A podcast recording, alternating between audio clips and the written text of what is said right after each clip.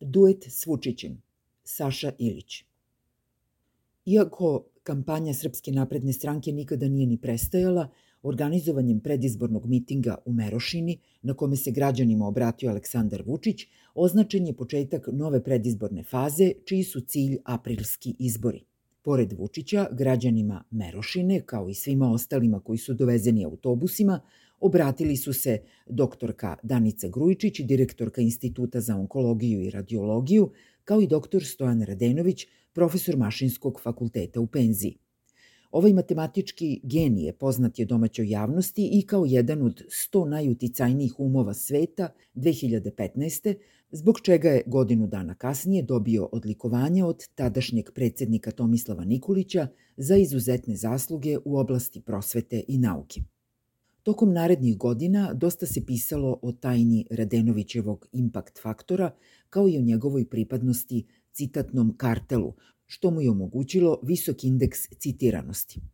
No ono što je mnogo interesantnije zapravo je Radenovićeva politička biografija koja se vezuje za nekoliko beogradskih političkih protesta u periodu od pola veka, koji uokviruje vreme njegovih studija, posvećenosti matematici, univerzitetskoj karijeri i na posledku pronalaženju načina da se visoko kotira u svetu akademske statistike. Izgleda da je Radenovićeva citatna invencija u dubokom dosluhu sa glavnim naprednjačkim motom na ovim izborima Zajedno možemo sve. Zapravo ovaj moto zvuči kao da je prepisan iz iskustva citatnog kartela koji je strategijom forsiranog uzajamnog citiranja postigao visoke rezultate, merljive isključivo statistički. Vučić je u Merošini obećao dve primamljive stvari – novac i brzinu platu od 1000 evra do 2026. to jest do narednih izbora i science fiction priču u vidu brzog voza kojim bi se od Beograda do Niša putovalo 200 km na sat. Grujičić i Radenović imali su zadatak da na ovom skupu potvrde svojim autoritetom verodostojnost Vučićevih obećanja, onako kako je recimo dr. Zoran Radojičić davnih dana potvrdio dolazak Beogradskog metroa. Profesor Radenović je imao neobičan put do ovog trenutka, koji je on okarakterisao doslovno kao sobstveni ulazak u istoriju, to jest na drugo mesto pred izborne liste SNS-a. Nekad će se pisati za vreme Vučića, Ane i ostalih. Ja ću možda biti u fusnoti, ali ja sam zadovoljan i fusnotom, izjavio je profesor Radenović. Dakle, ništa se ne može meriti sa približavanjem centru političke moći, pa čak ni ulazak na listu od 100 najuticajnijih umova sveta. Zapravo, dovoljno je približavanje tom jednom vrhunskom umu, čiji impakt faktor obara s nogu.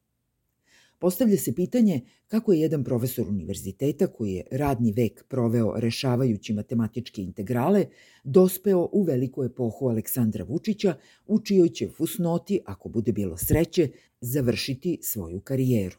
Ne treba zaboraviti da je profesor Redenović tokom protesta protiv diktature u proleće 2017.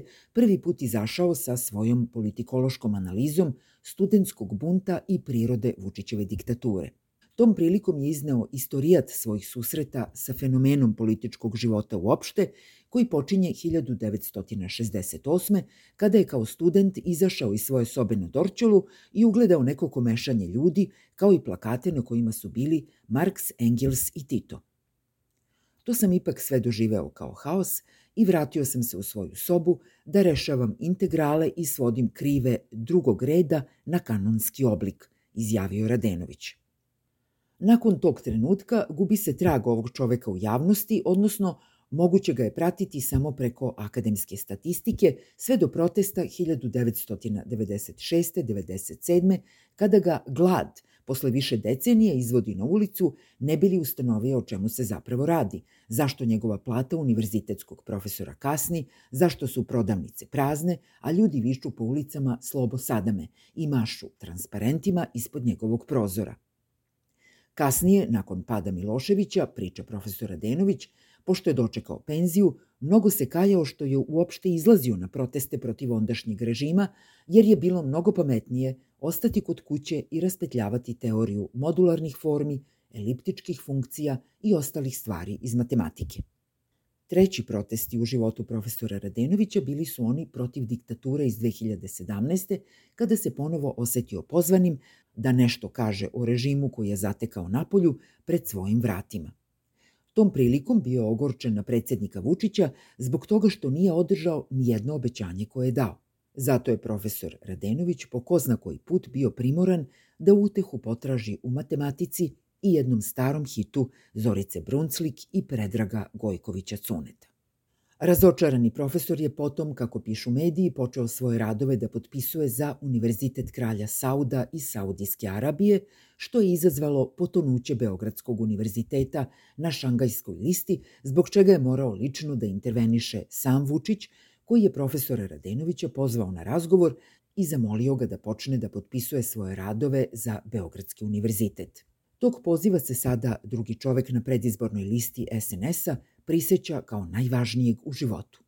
Bez obzira na to što predsednik po ko zna koji put nije ispunio dato obećanje, pre svega da će otvoriti posebnu liniju za finansiranje domaće nauke, on je ipak ovom prilikom pokazao visoko umeće hipnoze, jer je doktoru Radenoviću u roku od pola sata promenio ne samo pogled na život, već i na eliptičke funkcije. Razume se da su Vučićevi hipnotički razgovori sa stručnjacima vođeni iza zatvorenih vrata i da će se teško saznati šta je zapravo presudno uticalo na to da razočarani profesor Radenović poveruje u mit o zlatnoj epohi Vučića i Ane.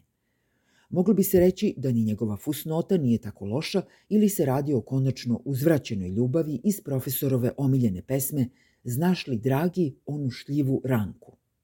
Sasvim je izvesno da mu je Vučić iza zatvorenih vrata otpevao drugi napev koji kaže Naravno da znam tu šljivu, nabrao sam ti toliko da nećeš morati više da izlaziš na proteste do kraja života.